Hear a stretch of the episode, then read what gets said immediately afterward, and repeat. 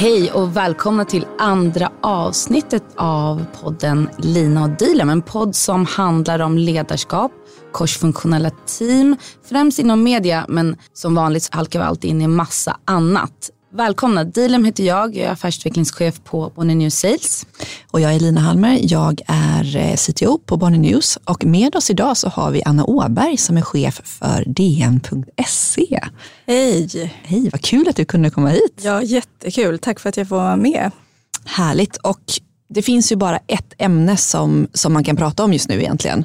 Eh, och det är ju coronarelaterade ämnen såklart. Och eh, vi har valt att, eh, att använda temat att leda på distans i och med att vi har varit sedan i, eh, vad var det, början på april som vi har jobbat hemifrån i princip hela bolaget. Och eh, det har varit intressant och eh, vi tänkte att vi under den här eh, podden ska reflektera lite över det och vad som, vad som kommer framåt. Men eh, först Anna, hur är det för dig att jobba på distans? Eh, jo, men jag måste säga att jag tycker att det går över förväntan. Vi eh, på DN var ju dessutom först ut i Bonnier News så att jag eh, började jobba hemma och eh, de flesta av mina medarbetare i mitten på mars. Eh, och nu idag är vi faktiskt inne på kontoret och det är första gången som jag är här på 12 eller 13 veckor tror jag. Oj, hur känns det att gå i de här tomma korridorerna? Ja, men det, det känns lite spöklikt faktiskt måste jag säga. Eh, det är ju ett hus som vanligtvis är fullt av liv. Eh, väldigt mycket energi och liksom, eh, folk överallt och så. Och eh, nu är det ju väldigt eh, tomt här och tyst. Mm. Ja, det är ju väldigt konstig känsla. Jag har varit de senaste veckorna har jag varit in ungefär en gång i veckan för att jag haft möten eller så. Men annars så tog det ju många, många veckor innan jag överhuvudtaget kom tillbaka till eh, kontoret. Hur ofta är du inne, Dilan? Ja, men jag försöker också komma ungefär en gång i veckan eh, och förstår, inser det att så fort man ser en kollega så är den här euforin som när man var liten och liksom efter sommarlovet träffade sina klasskamrater. Det är nästan så att man vill springa mot eh, arbetskollegan i slow motion och ge dem en kram tills man inser att nej det får man ju inte göra. Så eh, det, det är väldigt häftigt hur hur man suktar efter social kontakt, förutom då sin familj som man träffar då hela tiden helt plötsligt. Eh, så att, ja, men eh, jag håller med dig Anna, det är lite sparkligt, lite tråkigt också det här att, att det här livfulla helt plötsligt bara kan försvinna på det sättet. Ja, precis. Sen finns ju det livfulla liksom kvar, fast i digital form. Men det är ju, när man är här så blir det ju väldigt uppenbart. Men om vi bara uppehåller oss lite vid de eh, dagarna där besluten togs för att vi skulle gå hem. Hur var din upplevelse då? Var det ett snabbt beslut eller kan du berätta lite? Det var ganska snabbt beslut och jag tror att för DN så var det så att vi eh, genomförde en tågresa där vi hade 400 av våra prenumeranter som ehm, hade eh, då köpt biljett till den här tågresan. Vissa skulle till Venedig och andra skulle till olika orter i eh, Alperna. Och eh, samma liksom, stund som vi eh, anlände i Venedig så kom eh, beskedet om att de hade ställt in karnevalen som var liksom, det som var målet för de resenärerna eh, på grund av eh, pandemin som då hade eh, brutit ut i Italien på riktigt. Och ehm, det här eh, blev ju på ett sätt, det, det gick jättebra. Eh, vi, de här Venedigresenärerna förflyttade vi snabbt eh, ut ur Italien och sådär. Ingen blev sjuk på resan och så. Men den upplevelsen som eh, dels de som var med eh, på tågresan från DNs håll och, och sen vi som var eh, här hemma men ändå liksom jobbade med de här frågorna under tiden som eh, vi hade de här resenärerna liksom på plats ute i Europa Eh, för oss var det eh, liksom ändå ganska dramatiskt. Eh, så att, så att, när vi sen var tillbaka och alla resenärer var hemma och eh, vi visste att alla var friska och så. Då, vi hade med oss en upplevelse där som jag tror gjorde att vi eh, kanske lite tidigare än andra insåg vad, vad det var vi hade att göra med. så att beslutet sen att, att skicka hem medarbetarna, det, det skedde väldigt snabbt. Alltså det var i princip på dagen. Vi hade pratat om det, att vi skulle göra det liksom mot slutet av den veckan. Eh, och sen så bestämde vi eh, någonstans tidigt, liksom en, en förmiddag, att nej, vi skickar hem alla vid lunch. Eh, så det gjorde vi och det, det upplevdes då som, eh, tror jag, ganska ja, men, lite dramatiskt och liksom överreagerar vi och sådär. Men det visade sig att många följde efter bara kort, alltså någon vecka senare så, så jobbade liksom de flesta på distansen. Mm.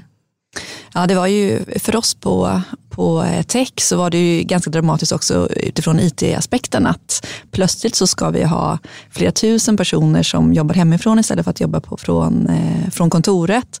Hantera det med eh, alla VPN-kopplingar, alla ska ha egna datorer hemma. Hos oss så, så är det ju flera utav utav journalisterna som, som delar datorer, till exempel om man sitter på desken och så vidare. Och, och nu ska plötsligt allting funka fast helt ut, eh, utlokaliserat hemma hos, hos alla, person, alla, liksom, ja, alla medarbetare. Eh, så det var, det, det var väldigt, eh, eh väldigt dramatiskt i det. Att eh, hur kommer vi klara det här? Kommer det gå? Eh, och jag måste ändå säga att jag är väldigt stolt och glad över att vi lyckades så pass bra ändå som vi gjorde. Det var ju liksom i princip inte någon som behövde åka tillbaka och säga, nej men nu skickar vi tillbaka den här avdelningen så att vi får jobba någon vecka till innan vi har lyckats lösa de här problemen och så. Så det var tur att vi, eh, att vi klarade det så bra som vi gjorde. Jag vet att jag har eh, andra kompisar som jag pratat med som också jobbar inom techbranschen där, där man har fått flytta fram och tillbaka och alla har inte kunnat jobba hemifrån samtidigt och så för att, för att man inte, liksom, infrastrukturen inte har hållit på det.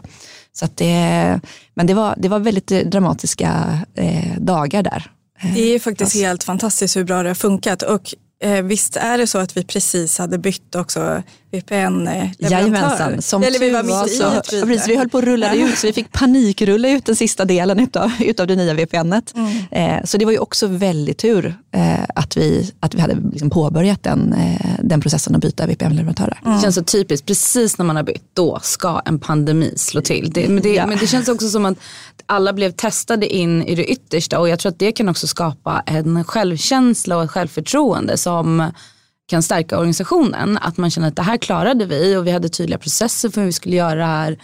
För det här är ingen så drill, vi brukar ju ha brandlarm eh, när alla ska gå på led och alla tar alltid fel väg. Men så landar vi här ute någon gång ändå samlade. Men man kan ju aldrig ha en övning för den här sortens situationer. Nej, så det är precis. verkligen fantastiskt. Men jag tror också det handlat väldigt mycket om att alla har varit så pass eh, samarbetsvilliga, öppna för nya lösningar och att så här, vi, vi måste bara få det här att funka tillsammans.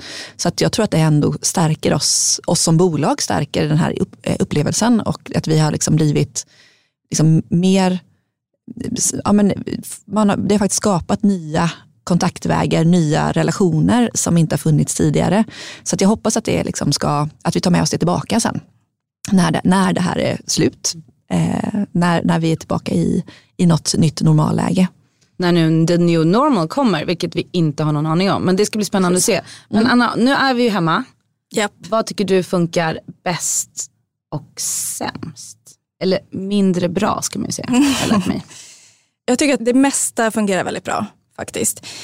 Um, bäst skulle jag säga att vi har struktur på arbetsdagen på ett annat sätt idag mot vad vi vanligtvis har. Ehm, och att ehm, vi har en, utifrån den strukturen och liksom de här ehm, tekniska verktygen som vi har, eh, så ser vi medarbetarna varje dag på ett sätt som vi kanske inte gör faktiskt. Det låter ju helt sjukt, men när vi är eh, fysiskt på plats allesammans. Eh, så det, det tycker jag har funkat väldigt bra. Det som är svårare på distans tycker jag är att eh, skapa liksom, kreativa forum.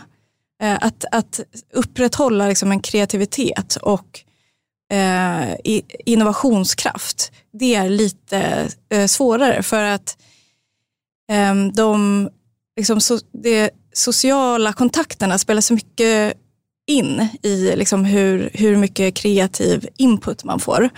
Och eh, när man jobbar på distans på det här sättet så är det så att här, vi kan ju skapa liksom de digitala rummen, men vi säger också vilka som ska befinna sig där i, för att det är lite så det liksom fungerar. Eh, Medan när vi är på plats eh, fysiskt, då träffar man människor som man inte hade tänkt att man skulle träffa och så bollar man idéer och så får man ny input och så tar man med sig det in i nästa möte och så vidare. Och det tappar vi tyvärr nu. Så det är nog det jag skulle säga är, är lite svårare. Vad tycker du Dilan? Jag tycker att um, den, den största grejen som, jag, som verkligen slog mig, det var hur effektiv man blev helt plötsligt. Alltså jag sitter ju mycket i möten. Helt plötsligt så kunde möten vara i en kvart, 20 minuter kontra en timme och en kvart som det alltid var förut. Och det tycker jag är helt fantastiskt att så här, man tjänar massa tid bara för att folk går mer on point. Man har inte liksom, jag ska bara ta en kaffe eller förlåt att jag blev lite sen eller lite småsnack om helgen innan. Det är ju trevligt att göra det men det är också trevligt att beta av mötena. Så det tycker jag är helt fantastiskt. Så jag börjar märka att folk börjar boka upp en kvarts möte, en halvtimme, 45 minuter. Alltså en timmes möten är helt otänkbara. Eh, mindre bra ska jag faktiskt ta en personlig grej. Eh, och det är, eh, jag älskar min familj. Men jag saknar att sakna min familj. Att sakna att åka hem kan jag känna är eh, någonting som ändå inte finns längre. Alltså att man på fredag känner vad skönt det ska bli nu att få åka hem, ta av sig skorna, ta ett glas rött och bara umgås med familjen. Liksom. Mm. Alltid vara ett glas rött involverat, det är konstigt. Lemonad utan alkohol går också bra. Och det, det känner jag att eh, genom att vara hemma hela tiden så, och det spelar egentligen ingen roll om man går ut och tar en promenad och sitter någon annanstans, man är hela tiden i hemmamiljön. Mm. Och det flyter ihop lite med, eller veckorna flyter ihop, det är så här, vad är det för dag egentligen idag och Exakt. så. Liksom. Mm. Ja, nej, men, Lina? Ja, men jag tycker att eh, det, det som jag saknar mest är att ha ögonkontakt med folk. Jag tycker att det är så himla tråkigt när man sitter i de här videomötena och även om man liksom, är man många personer så, så är det liksom så små bilder så att man inte riktigt liksom, man får inte riktigt den kontakten. Och, men är man bara två så sitter man ju ändå och tittar på den andras bild och så är kameran antingen lite liksom ovanför eller lite nedanför där man har blicken själv så att man möter liksom inte folks ögon på det sättet som man gör när man träffar dem live. Vilket för mig blir jag, jag, det, jag, saknar det. Jag saknar liksom den samhörigheten som man får när man liksom tittar på varandra och liksom känner så här, men nu är vi överens om det här. Eller gud vad bra vi gjorde det här. Liksom här den, den, känslan blir lite plattare när man kör eh, möten digitalt. Så det saknar jag verkligen.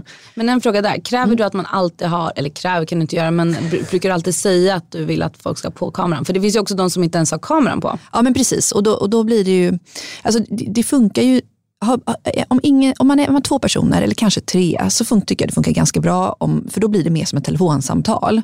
Eh, men är man många personer så, så tycker jag att det är svårt att, att se. Liksom. Man vill ändå se folks reaktioner lite grann. Och speciellt om det är lite jobbiga saker som man ska diskutera så är det väldigt svårt. Och, och man hummar ju inte med på samma sätt eller liksom ger de här bekräftelsesignalerna eller liksom så på det sättet som när man är på eh, videolänk som man gör ifall man, eh, ifall man ses live. Så man vet inte riktigt hur reagerar de här personerna? Är de med? Ska jag bara fortsätta prata eller hur ska jag liksom så? Men eh, men äh, jag föredrar nog ha, ha bild. Men, men där kommer vi in på liksom det sämsta, som, med, eller det bästa med, med att, eh, att vi är, eh, jobbar på distans. Det är att man liksom, eh, jag tycker att så här, jag lägger ner väldigt mycket mindre tid på att eh, piffa mig. Eh, vilket är ganska skönt. Jag, jag, kan ha möten utan att sminka mig. Jag, eh, jag, eh, ibland så är det, liksom, är det seriösa möten, då tar jag på mig en skjorta men jag har fortfarande mjukisbyxorna på mig för det syns ändå inte. Du kör Kalle Anka. Ja men precis. Jag har i alla fall byxor på mig. Eh, men eh, men, men att, att det är en, ändå en sån sak som jag tycker är lite, lite skön. Liksom. Som, som kvinna och som, som någon, så här, ja, jag anstränger mig ändå och lägger ner hel del tid på att liksom vara lite snygg. Så jag tycker det är rätt skönt att inte behöva vara det ibland. Men, men, det finns ju sådana teorier som säger att om man slutar lägga ner för mycket tid på vad man har på sig, hur man ser ut, så når man en effektivitet och man får mer tid för annat som kreativitet och så vidare. Så det finns ju många som har gjort det, att de har haft på sig samma kostym hela tiden, en svarta byxor, en vit tröja eller så vidare. Och det är ju lite tillbaka till det du säger, att helt plötsligt så behöver du inte tänka på det och då mm. kanske du får mer tid och mer kraft till annat. Så frågan är, kommer du någonsin gå tillbaka till det då nu när du ser alla positiva aspekter av det? Alltså jag tycker också samtidigt lite roligt att uttrycka sig med kläder och jag gillar färgglada kläder, jag gillar mina höga klackar och så här, det är ju roligt också. Men, men eh, jag tycker det kan vara, det, det eh, det gör att jag känner mig ibland lite mer avslappnad också i, i situationer. Att jag, liksom, man kommer lite närmare varandra när man ser någon liksom, som inte har tagit på sig jobbmunderingen. Liksom. Jag tycker att det är lite härligt. Ibland vi borde ha kanske några veckor om året där det är liksom uncasual eh, week, där ingen får ha, ha kostym och smink på, på jobbet. För att vi ska kunna komma närmare varandra lite och faktiskt lära känna varandra lite mer på djupet. Mjukisbyxa-dagen. Ja, men precis. Mm. Onsdagar tänker jag spontant. Ja, det här var trevligt.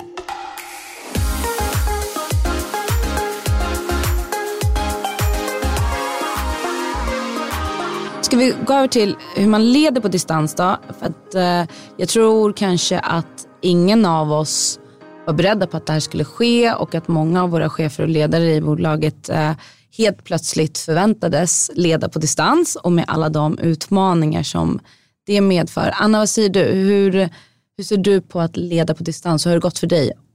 Vad är dina reflektioner? Eh, jag tycker att det har gått ganska bra. Vissa saker är, är svårare än andra. Ehm, en sån, vi pratade nyss om att ha, om man ska ha kameran på eller inte när man har digitala möten och, och en sån liksom, aspekt som jag tycker är viktig just med att ha eh, kameran på. Det, det, är inte bara det att man ser hur människor reagerar i mötet och de, eh, kring de saker som man pratar om utan också att eh, det är viktigt att man, tror jag, att man ser sina medarbetare eh, varje dag. Ehm, de som lever ensamma eller har andra typer av problem, alltså man kanske har eh, lite lättare att liksom dricka lite för mycket på kvällen eller sådär.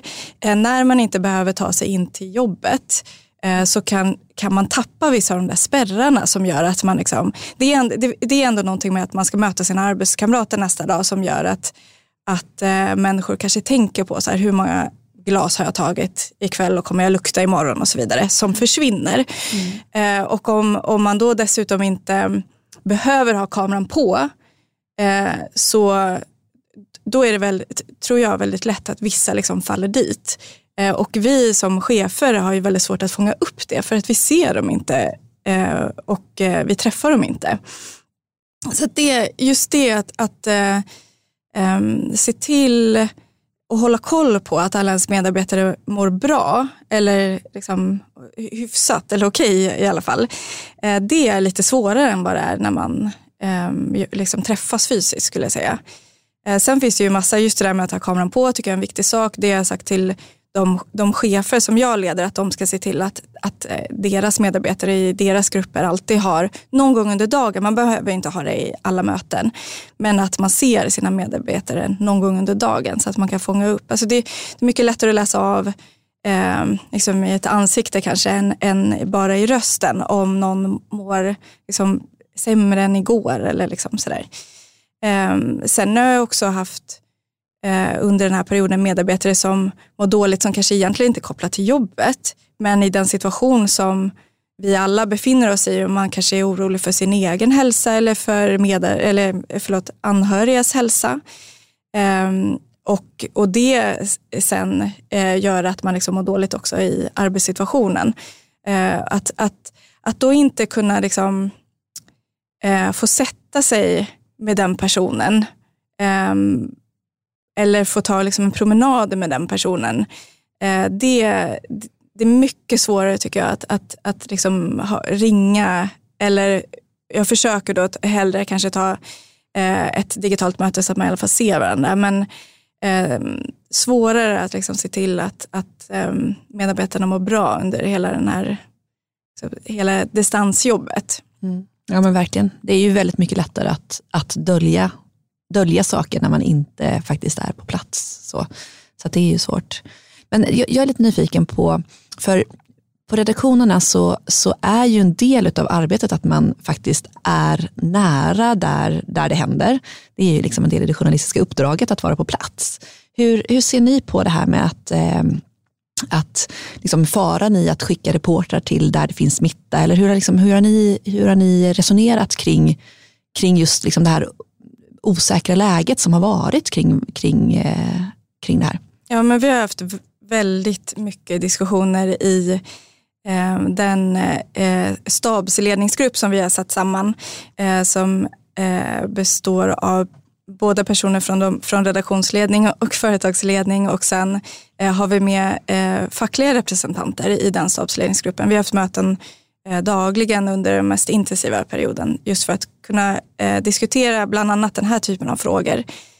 Eh, och det är ju det är jättesvåra frågor för att vi som arbetsgivare har ett uppdrag att skydda eh, våra medarbetare. Eh, och i en sån här situation så är det eh, svårt att skydda medarbetarna samtidigt som, precis som du säger, eh, vi har ett journalistiskt uppdrag.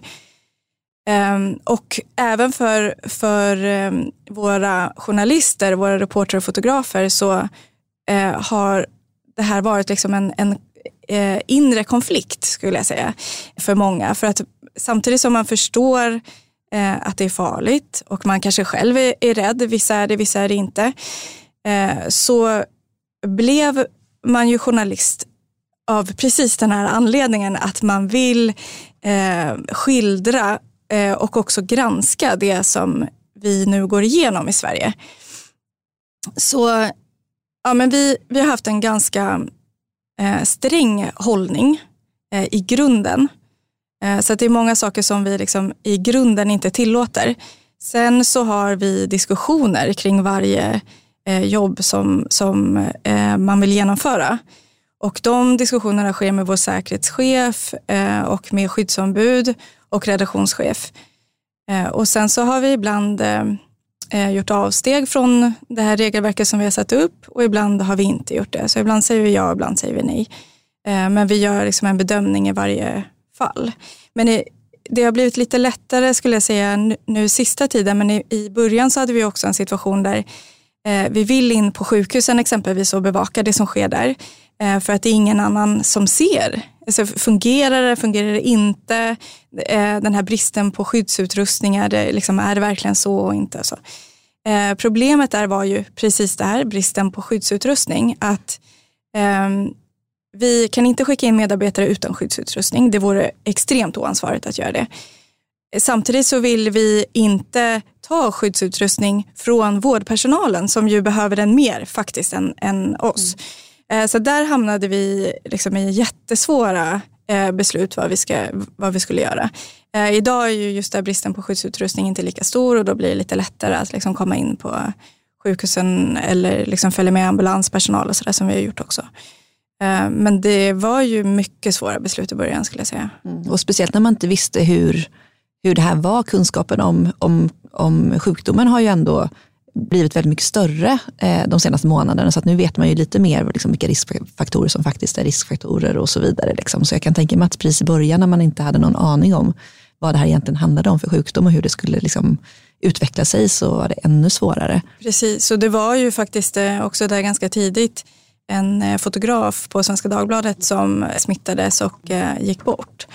Och många på DN och eh, inom Bonnier News eh, fotografer Eh, känner den här personen och, och, eller vet vem det är. Och så. så det är klart att det också påverkade väldigt mycket liksom hur, eh, också oss som fattade beslut men också eh, de som faktiskt ska ut och jobba. Mm.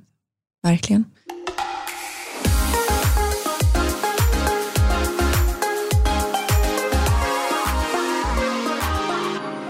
Det gäller ju att hålla i, för det är ju inte alla som känner så. Det gäller ju att fortsatt fånga upp allt som sker där ute. Så det tror jag är en utmaning, mm. att inte tappa.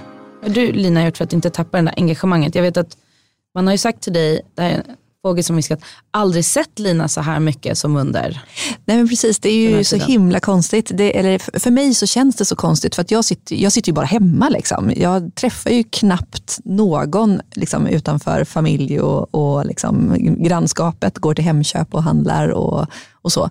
Men, eh, men, men det, jag har fått kommentarer från flera delar av min organisation där, där man har uttryckt att vi har aldrig sett så mycket av Lina som nu. Jag, jag började köra en liten videoblogg där jag, där jag liksom la upp lite klipp ibland. Eh, vi, vi har börjat med nya digitala stormöten eh, med, liksom, med en lite annan typ, med, med liksom en annan frekvens. Eh, och och så. Så, att, så att vi liksom har ju börjat göra en hel del andra saker som jag tror också vi ska hålla i. För att vår organisation är ju distribuerad. Vi har ju eh, Tech medarbetare i, i, eh, liksom, utanför Stockholm, också på flera olika ställen. Så att, eh, så att, att bara liksom tänka att det som, det som, den information som vi sprider, den sprider vi liksom på plats i ett, i ett stormöte. Eh, där, där tror jag att vi behöver tänka om lite grann också. Och jag tror också att närheten som man, som man upplever att titta på någon som sitter nära en, en kamera med, och med liksom headset, mikrofon, eh, blir helt annat än att sitta i ett stort rum med hundra andra personer och så är det någon som står på en scen. Och, eh, så att för den som pratar och presenterar, jag tycker i alla fall det känns jättekonstigt när man sitter i i ett möte. Jag vet att jag ser på liksom den lilla eh, siffran där att det är över hundra personer som är med i det här mötet och lyssnar. Men jag ser ingen för att alla har liksom avstängt kameror för att de ska få så bra eh, eh, sändning som möjligt. Eh, alla har mutat sig själva för att inte störa varandra så det är helt knäpptyst. Och så sitter jag där bara och liksom babblar känns det som. Och så här, efter, efter fem minuter man bara, är det, eh, hör ni mig? Och så är det liksom no, någon eh, snäll person som unmutar och säger ja och sen så mutar de igen. Eh, och så, så okej, okay, då, då, får jag fortsätta prata. Det är liksom, eh, för mig så är det jätte det är, det är väldigt jobbigt att sitta så. Liksom. så här, man, man känner sig verkligen som att man, eh, man bara pratar för sig själv. Och sen så vet man att någonstans där ute så finns det hundra personer som hör det här. Det blir jättekonstig dynamik. Men jag tror upplevelsen är för de som lyssnar är en annan. Eh, och det tror jag är jätteviktigt att, man, att vi tar med oss det framåt också. Att det faktiskt kanske till och med är bättre att broadcasta på det sättet än att köra liksom, fysiska stormöten. För att man, man ser bättre och visar man en presentation så ser alla, det är inte någon pelare i vägen eller liksom någon lång person som står framför eller liksom sådana saker utan att vi faktiskt liksom verkligen eh, visar upp det och att alla kan vara med. Även ifall man är man kanske bara eh, behöver jobba hemifrån för att en hantverkare som ska komma någon gång eh, under dagen eh, och alla kan ändå vara med. Så det är nog viktigt att ta med sig. Jag håller verkligen med. Jag tror, att, jag tror att man har under extremt lång tid tyckt att fysiskt möte är alltid att föredra och digitala möten är, eh, kommer i andra hand och är liksom, mm ifall allt annat inte funkar. Eh, jag tror att man behöver se kombinationen av dem framöver som någonting magiskt. Mm. För vi har precis haft samma situation där man har upplevt att de digitala stormötena som vi har är, känns mer intima. Mm. Ett ord man kanske inte tidigare hade förknippat med digitala möten där man tycker att det fysiska är väl där ni ser oss och så. Men jag tror att det är på talarens villkor någonstans. Att man som talare har ett behov av att se folk, eh, hur de reagerar och skrattar de eller somnar de till eller är det någon mobil som kommer upp. Nej men nu helt plötsligt så är det inte så. Det känns mer som att man är liksom, ja, men jag, jag ser framför mig så här um, back in the days när man bara broadcastade ut och liksom, ja. Så att, eh, jag, jag, tror kombinationen är det som kommer vara viktigt framöver. Mm. Och eh, som du säger, vi är ju en eh, verksamhet med medarbetare runt om i hela landet. Hur ska vi alltid kunna, de har ju aldrig upplevt att de får information så här bra någonsin, vilket är spännande.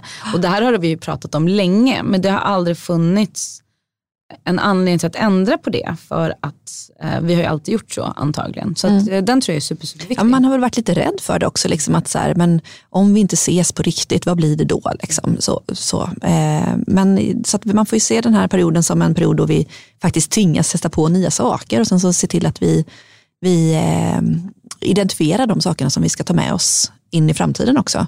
Så att vi inte tappar bort dem på vägen.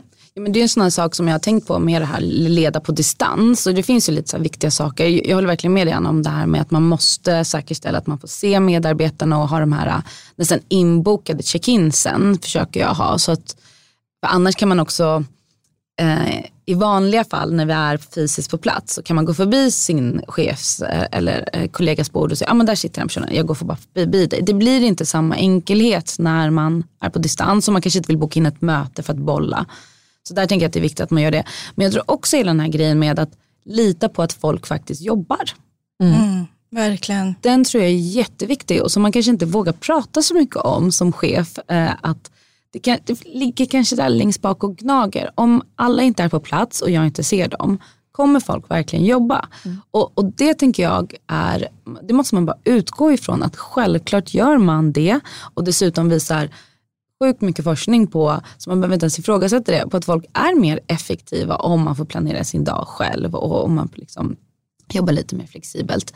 Så kan man få bort det så kan man ju istället fokusera på allt annat. Mm. Så som att få ut bra med information, ha mycket one-on-ones och hitta former för hur folk ska bli mer eh, motiverade och effektiva. Så den tror jag är jätteviktig. Ja, men det handlar väl kanske lite om uppföljning i det här. Liksom, att inte, så här, uppföljningen på om någon har gjort ett bra jobb är inte om den har suttit på sin plats i åtta timmar och då så här, check, nu har den gjort sitt jobb. Utan det handlar ju om att, att som ledare faktiskt se ja, men vad är det som den här personen har gjort. Oavsett om det har tagit liksom, två timmar eller tolv timmar att, att utföra så, så är det ju liksom någonstans det värdet som man skapar som är det viktiga att fånga upp och inte tidsrapporten. Jag upplever, jag vet inte om ni håller med, men att vi eh, har haft en, en ganska liksom, negativ inställning till eh, distansjobb tidigare. Alltså eh, om man till exempel behöver vabba och hellre skulle vobba. Man kanske har ett, ett barn som eh, kan sitta framför tvn eller göra något annat liksom, och man känner att så här, men jag kan faktiskt göra vissa uppgifter som jag skulle behöva göra idag. Jag, jag kan göra dem eh, och ta hand om mitt barn samtidigt exempelvis. Eller om man själv känner sig liksom lite för snuvig för att eh, ta sig in till kontoret men absolut inte för sjuk för att kunna jobba exempelvis. Mm. Så upplever jag i alla fall att vi har haft en ganska så här, men vi, inte riktigt liksom tillåter det. Eh, vi, vi, vi, gör det men vi, kan, vi vill i alla fall inte uppmuntra det om man säger så. Inte uttalat okej okay, utan Nej, det sker. Precis. Ja, det sker och det ska alltid vara lite jobbigt om man liksom säger att man behöver, jag, jag är med på det här mötet på, på länk. Liksom. Mm. Eh, och det, jag tror att alltså för organisationen eh, så är det ju mycket bättre om, om alla som kan jobba jobbar. Mm. Än att man då ska liksom ta en, en vabbdag eller en sjukdag trots att man är, eller i värsta fall ändå eh, ta sig in till kontoret eh, och liksom sitta och snora och hosta för att man, känner, man har inte feber, känner sig inte sjuk. Mm. Eh, så det, det tror jag måste förändras eh, efter det här. Ja men verkligen. Men tror ni inte att det kan ha lite grann att göra med eh, att vi, att det Liksom, man har upplevt att det var så himla jobbigt med att folk som har jobbat på distans. Liksom, är det en person som har, in, som har varit på distans i ett möte så har det liksom blivit så himla jobbigt. Då får man fiffla med, eh, med kameran och koppla upp sig. Och ibland, liksom, jag har varit i möten där vi efter en kvart har kommit på, men just det, Pelle ska vara, på, vara med på distans. Och sen så har den här stackars personen suttit där i, i, eh, i mötet helt själv i en kvart och så har man liksom missat början och så. Men att vi så, så att liksom, därför har det funnits ett stort motstånd också mot att, att någon ska vara på distans av olika anledningar. Men att vi nu ändå liksom har tvingats lära oss på ett helt annat sätt.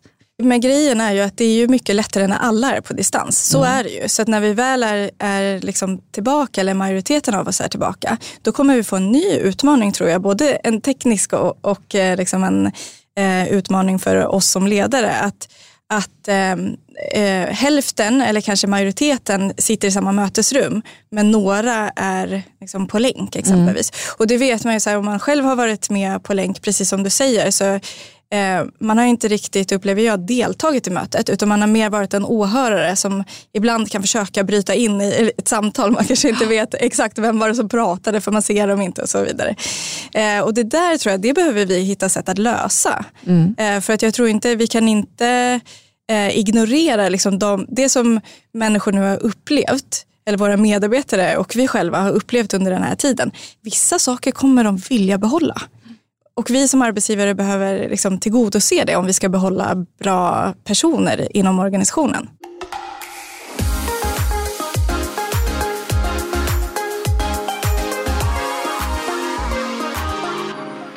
Då kommer vi in i det här spännande ämnet. Vad är framtidens arbetsplats? Och jag tänker så om man ska få in det här kvinnoperspektivet i det här. Är det nu vi liksom hittar en arbetsplats som faktiskt på riktigt blir lite mer jämställd? För jag tänker om man som kvinna då kan Eftersom vi vet att kvinnor tar mest vab, kan man vobba och det är mer accepterat, då kanske kvinnor helt plötsligt inte behöver ta den stora vabben, vilket påverkar ekonomiskt och så vidare. Jobba mer flexibelt, komma tidigare från mammaledighet lite på sina egna villkor till exempel, utan att det ska bli för jobbigt. Det vore ju helt fantastiskt om det här blev liksom den revolutionen som vi har väntat på, en arbetsplats som på riktigt är tillgänglig.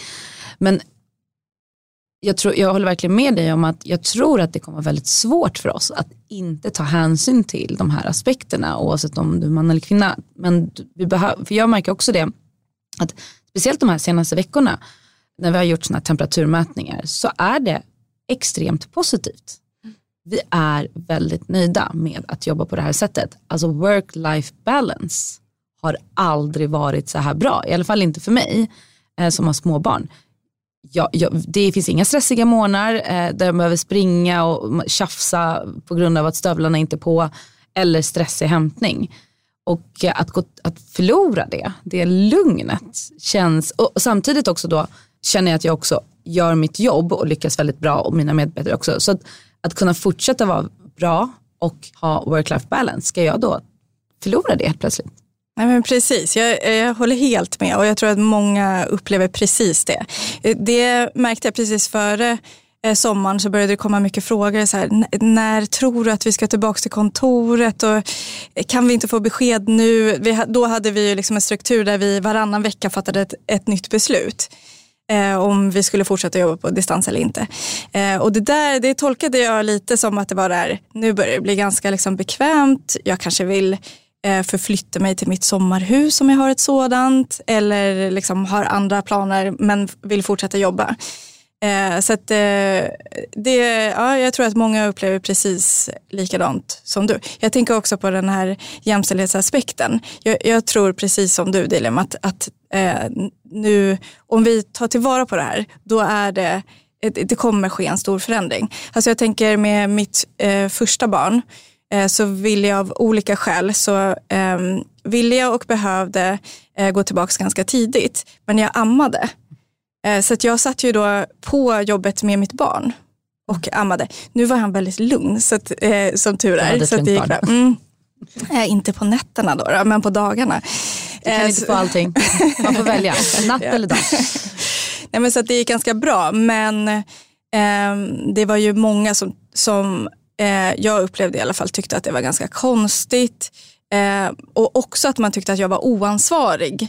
Eh, och så här, ah, liksom, vill du inte vara mamma, var du inte där för att skaffa barn och sådär. Eh, och för mig så funkade det ganska bra. Jag jobbade 50 procent men jag ville ju fortsätta amma så, så de 50 procenten behövde jag då vara på plats på kontoret och då hade jag med mig mitt barn för det var enda sättet att, att lösa det på. Eh, det där tror jag bara att kunna liksom få fortsätta jobba eller kunna få jobba liksom i, i eh, den, liksom så mycket som man vill under sin föräldraledighet. Eh, kanske inte behöva liksom eh, enbart ta den här första tiden för att man ammar. Eh, utan att faktiskt kunna dela på det på ett annat sätt och också kunna få den här lite härligare tiden efter ett år. eh, det, det tror jag kommer göra alltså, stor skillnad för många. Kanske också att man då eh, känner att, att eh, ja, men det, jag kan vara chef och jag kan vara mamma samtidigt på ett sätt som man kanske inte riktigt har upplevt men hur tycker du vi ska göra för att vi ska nå de här fantastiska målen i den nya arbetsplatsen? Framtidens arbetsplats. Ja, men jag tror dels det som vi har inlett och som jag vet att ni har gjort också, att så här, vi måste ju eh, prata med alla våra medarbetare nu om hur de har upplevt den här situationen. Vad har varit bra, vad har varit mindre bra, vad vill man behålla eh, och vad har man liksom saknat under den här perioden. Det är jätteviktigt och, och sen så tror jag att vi måste lyssna på det. Mm. Lyssna på vad de säger.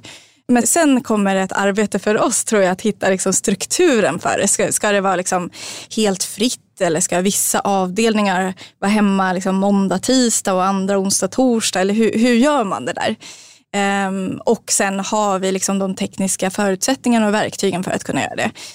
Uh, det, det, tror jag att vi behöver göra. Vad tänker du Lina om, om de här delarna? Ja, men jag, jag tror att liksom, en, en, sak som jag upplever att man liksom ibland när man pratar om det här så, känner, så är det liksom, ja, men vi, vi pratade om vad händer till hösten och till hösten så tror jag inte vi kommer vara i något, i något nytt normalläge. Det är fortfarande ett specialläge under hela resten av 2020 där, som vi behöver behandla som ett specialtillfälle. Och sen så någon gång under 2021 så kommer vi återgå till, liksom, då blir det the new normal. Det är liksom då som det kommer eh, eh, vara så här under lång sikt. Liksom.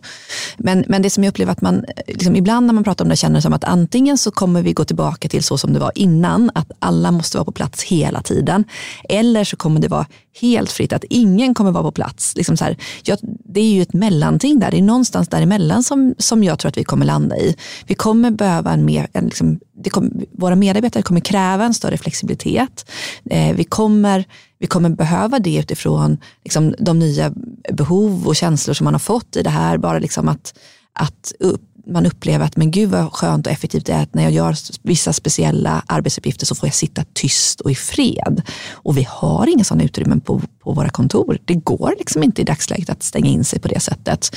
kommer ju liksom ställa krav på antingen att, att vi är flexibla eller att vi, att vi liksom ändrar i våra lokaler för att kunna tillmötesgå de här behoven som, som finns och liksom som man har insett att men, gud vilken ökad effektivitet det här ger. Men eh, men, så här, ja, men någonstans liksom, flexibilitet, absolut. Men inte liksom, jag tror inte att det kommer bli, alla kommer jobba hemifrån, hemifrån för all framtid. För att jag upplever också att, att väldigt många saknar det sociala. Att för många så är ju jobbet i princip liksom den sociala tillhörighet man har. Man kanske har flyttat till en ny stad för sitt jobb. Eh, det är liksom ett sätt att skaffa, skaffa kompisar, att ingå i ett socialt sammanhang, att, att, eh, att leva. Liksom. Och det blir ju otroligt ensamt när man inte får, får den sociala, eh, sociala närvaron. Så att jag tror att vi behöver liksom också se till de behoven i det här och inte säga att ja, men alla får jobba var de vill och sen så, sen så är det några som, men, men jag känner mig ensam. Men är det inte det så personanpassade arbetsplatsen som man egentligen är ute efter? Ja. Att alla ska få inom vissa ramar välja fritt. För jag tänker också precis som du är inne på Lina, nu kallar jag det här för en revolution men om vi fortsätter i det spåret, men med alla revolutioner så känns det ju som att ingenting sker men små små förändringar sker hela tiden. Jag tror inte heller att vi 2020 kommer känna wow det här hände. Men sakta men säkert så kommer det finnas en acceptans för att vissa vill anpassa sin arbetssituation och då krävs det att alla har en förståelse för det. Men jag tror att så fort det börjar bli öppet och något man pratar öppet om då blir det mer okej. Okay. Så att det inte blir som innan när man gjorde vissa undantag men det var inte uttalat. Men om vi, det jag upplever när man dock pratar om det här så handlar det väldigt mycket om eh, silos och hur man ska se till att silot funkar bra. Yes. Om vi ska gå över till en av mina Linas favoritämnen, korsfunktionella team. Det låter ju inte jättespännande men det är ju väldigt spännande. Det är ju det roligaste. Det roligaste Hur löser man det i det här? För jag upplever att arbetssättet vi har nu, men det funkar bra. Man ser till att chefer ser till att eh, liksom, ta hand om sina anställda och anställda kollegor. Men när vi ska mötas över gränserna, där upplever jag att problemen, inte problemen, utmaningarna uppstår. Vad säger mm. ni om det? Men jag skulle säga att så här, de redan upparbetade kontakter som, som äh, människor har, de funkar, fortsätter funka ganska bra. Så har man redan liksom ett, ett äh, korsfunktionellt team för en specifik liksom, uppgift eller ett projekt eller vad det kan vara, då funkar det fint för att liksom, man känner varandra och man har eh, sina möten och sådär. Eh, men just det som vi pratade om tidigare, att, att liksom springa på någon och, och, och då komma på att så här, just den här personen borde vara med i det där projektet. Det vore jättebra. Eh, det, vi tappade helt. Mm. Så för de delarna så tror jag verkligen att man behöver vara liksom på plats och träffa varandra. Men man kanske inte behöver vara på plats liksom fem dagar i veckan. Mm. Det räcker med fyra. Det finns ju vissa arbetsuppgifter som, som, som där det är så tydligt att det är, eller vissa liksom moment som är så tydligt att det är svårare. Det kan ju vara liksom workshops. Ja, det, fun det, det, funkar hyfsat liksom på distans men det funkar ju så mycket bättre när man jobbar i, liksom är i, liksom tillsammans vid samma plats. Man kan, man kan rita saker på stora tavlor eller på stora papper och post-its och liksom alla sådana saker som, som liksom här, den kreativa processen kan behöva i det. Och samma sak också uppstarts, uppstart i nya team eller nya konstellationer som ska jobba med saker. Att göra det på distans är svårare. Vi har gjort, jag har gjort en omorganisation här under corona där vi har, där vi har slagit ihop två stycken avdelningar. En, i, en som är eh, centrerad i Sundsvall och en i Malmö till en gemensam utvecklingsavdelning. Och där skulle man ju så gärna ha velat att de fick träffas på riktigt, liksom, mötas på någon konferensanläggning i några dagar, stå och snacka där lite vid frukostbuffén och, och få göra lite, spela lite kubb eller vad det nu man, man liksom skulle vilja göra för att lära känna varandra och skapa liksom den här samhörigheten och vi-känslan som, man inte, som, som är så mycket svårare att, att skapa digitalt. Så jag tror att det, här, det finns saker som, som där det verkligen finns behovet av att ses och också ta de, de tuffa, jobbiga samtalen. Att, att liksom ge, ge tuff feedback till någon, att göra det på länk eller telefon är ju jättemycket svårare än att sätta sig ner tillsammans eller ta en promenad och prata om någonting som är jobbigt. Liksom. Mm. Framförallt är det ju svårare, upplever jag, att, att fånga upp liksom efteråt eh, någon timme eller en, någon dag efter, hur uppfattade den här personen liksom den feedbacken som den har fått? Eh, har det liksom sjunkit in eller känner den sig liksom illa berörd eller upprörd och, och, att fånga upp det. För att just i samtalet, vi har haft eh, medarbetarsamtal under den här perioden, tror jag ni också har haft. Jajamensan. Det är väldigt speciellt att ha liksom på länk så. Eh, men de tyckte jag liksom fungerade ändå ganska bra. Eh, men, men sen just det där att sen kunna liksom fånga upp hur, hur landade det som jag sa. Eh, det är mycket svårare. Mm. Ja men verkligen. Men det kräver ju mer, jag, jag, jag, upplever att distans kräver mer av oss. Det kräver mer planering, det kräver mycket mer eh, rutiner. För jag tror att även fast, eh, för jag tror att alla mår bra av att ha tydliga rutiner och ha de här teammötena, medarbetarsamtalen när de ska vara att man känner att man har de här återkommande. Men jag tänker, för jag tänker också till exempel när man är ny på jobbet. Mm. Att vara ny på jobbet på distans, Jajamensan. den är ju jättesvår. För det vet vi ju alla, alla har varit nya på jobbet. Det handlar ju om att känna av um, och så har man en massa möten utifrån vad kanske din chef tycker att du ska ha. Men så finns ju de här mötena runt omkring där du hittade den där personen som ingen annan har tänkt på som kommer bidra jättemycket. Eller kanske också någon som inte ingår i ditt team men som blir en kaffekompis. Så där tror jag att man måste verkligen Eh, tänka till extra noggrant som ledare i den introduktionsdelen. Man, man kan inte eh, bara köra på där utan man måste nog lägga ner extra mycket tankekraft för att den personen ska känna att den kan komma in, in i gruppen på ett bra sätt. Det tror jag är super, superviktigt. Verkligen. Ja men precis och det, och det kommer ju ställa helt nya krav på att kan vi inte räkna med att alla alltid finns på plats och till hands så, så kommer det kräva mer organisation, mer, mer planering, tydlighet i det. Eh, så att jag, jag tror ju att eh, jag, jag, tror att the new normal kommer göra att jag hoppas att alla kommer bli lite lyckligare av att få vara lite mer flexibla, känna sig lite friare och, och liksom ha lite mer, lite mer eh, egen eh, valbarhet i, i eh, sin arbetssituation. Men, men det kommer ju också kräva mer av oss som ledare. Det kräver mer av oss, det håller jag med om. Men jag upplever att de sakerna som vi har gjort då eh, under den här perioden, att det också har gjort att medarbetarna upplever att det är, arbetssituationen är bättre. Så att jag tror att så här, eh, det är ju synd att det ska till en pandemi för att vi ska hitta den här strukturen och, och det arbetssättet. Men det finns ju något positivt med det också. Eh, och vi har ju fått om vi inte hade liksom fantastiska chefer i organisationen innan, det hade vi såklart, så har ju de eh, blivit ännu, ännu bättre under den här perioden för, för medarbetarna. Mm. Jo, men en sån här situation är ju verkligen någonting som, som eh, utvecklar alla. Att, liksom, att behöva hantera svårigheter och, eh, och behöva göra det tillsammans också. Det skapar ju en helt annan gemenskap bland de som sitter med ungefär samma problem. Man, liksom, Eh, det blir ju enklare att, att börja prata med varandra ifall man känner att oh, men gud, det här är lite svårt och det här är nog svårt för alla. Det blir liksom en gemenskap i, i det. Jag är inte den enda nya chefen som, har lite, som tycker att saker är jobbigt utan alla tycker nog att det här är ganska klurigt. Men hur, hur har ni gjort för att, för även som chef så behöver man ju ha personer att bolla med.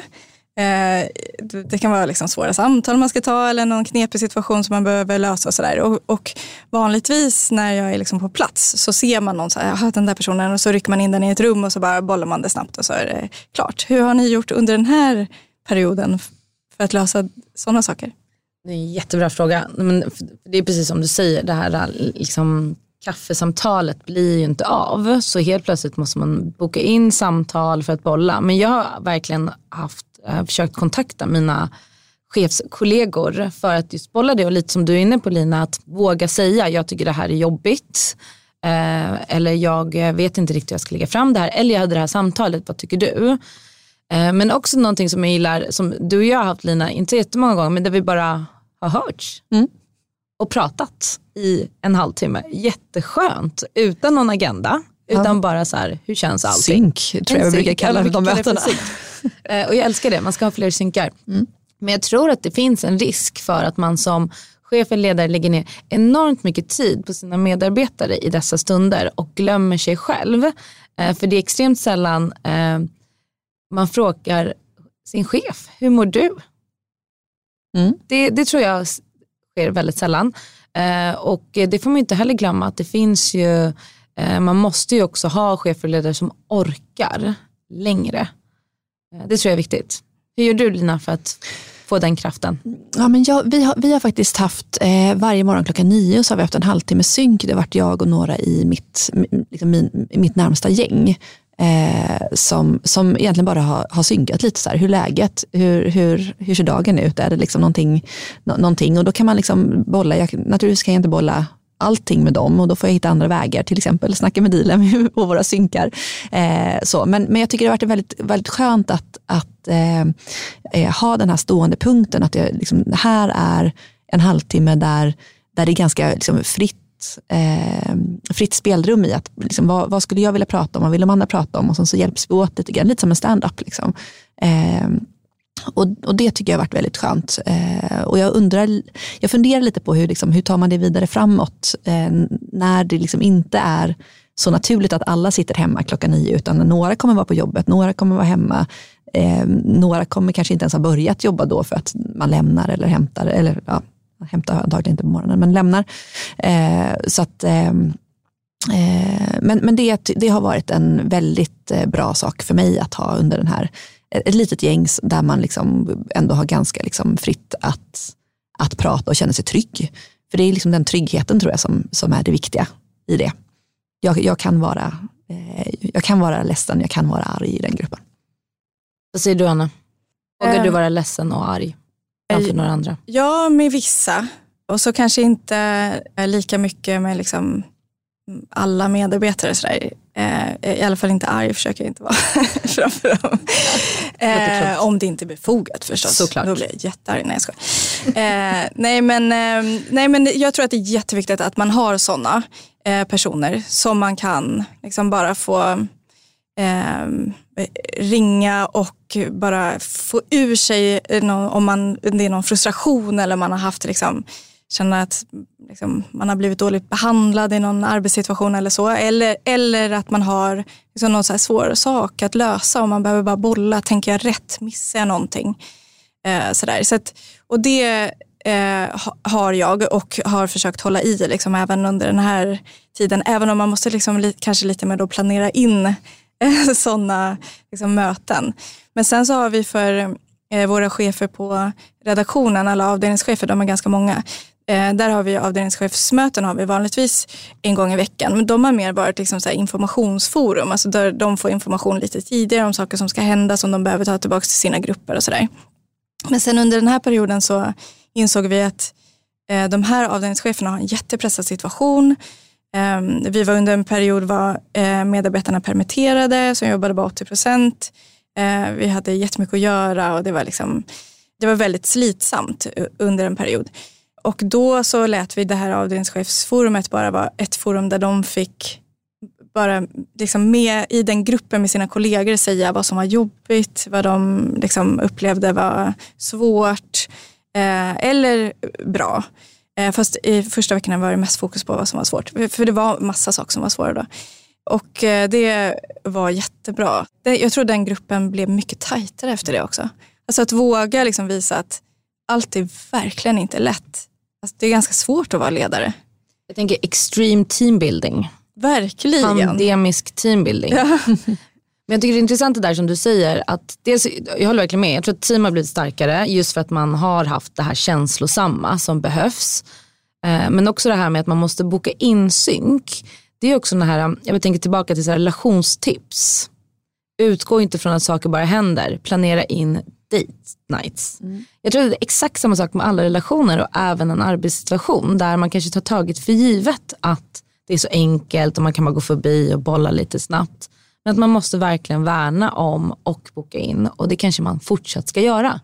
Så jag tror att eh, mycket av det här kommer nog ge oss mer stabila relationer. I min känsla. Mm blir det här en relationspodd.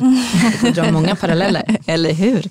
Men jag tyckte det var väldigt fint. Det kanske ska bli våra avslutningsord på den här podden. Att, eh, att se till att behandla de relationer du har på jobbet med lika stor liksom, värme och kärlek som du behandlar andra relationer i ditt liv. För det är så otroligt viktigt att vi eh, jobbar tillsammans. Verkligen. Stort tack Anna för att du ville ha det här samtalet med oss. Tack för att jag fick vara med. Tack Dilan. Tack Lina. Tack alla ni som lyssnar och ta hand om er. Hej då. Hej då. Hej då.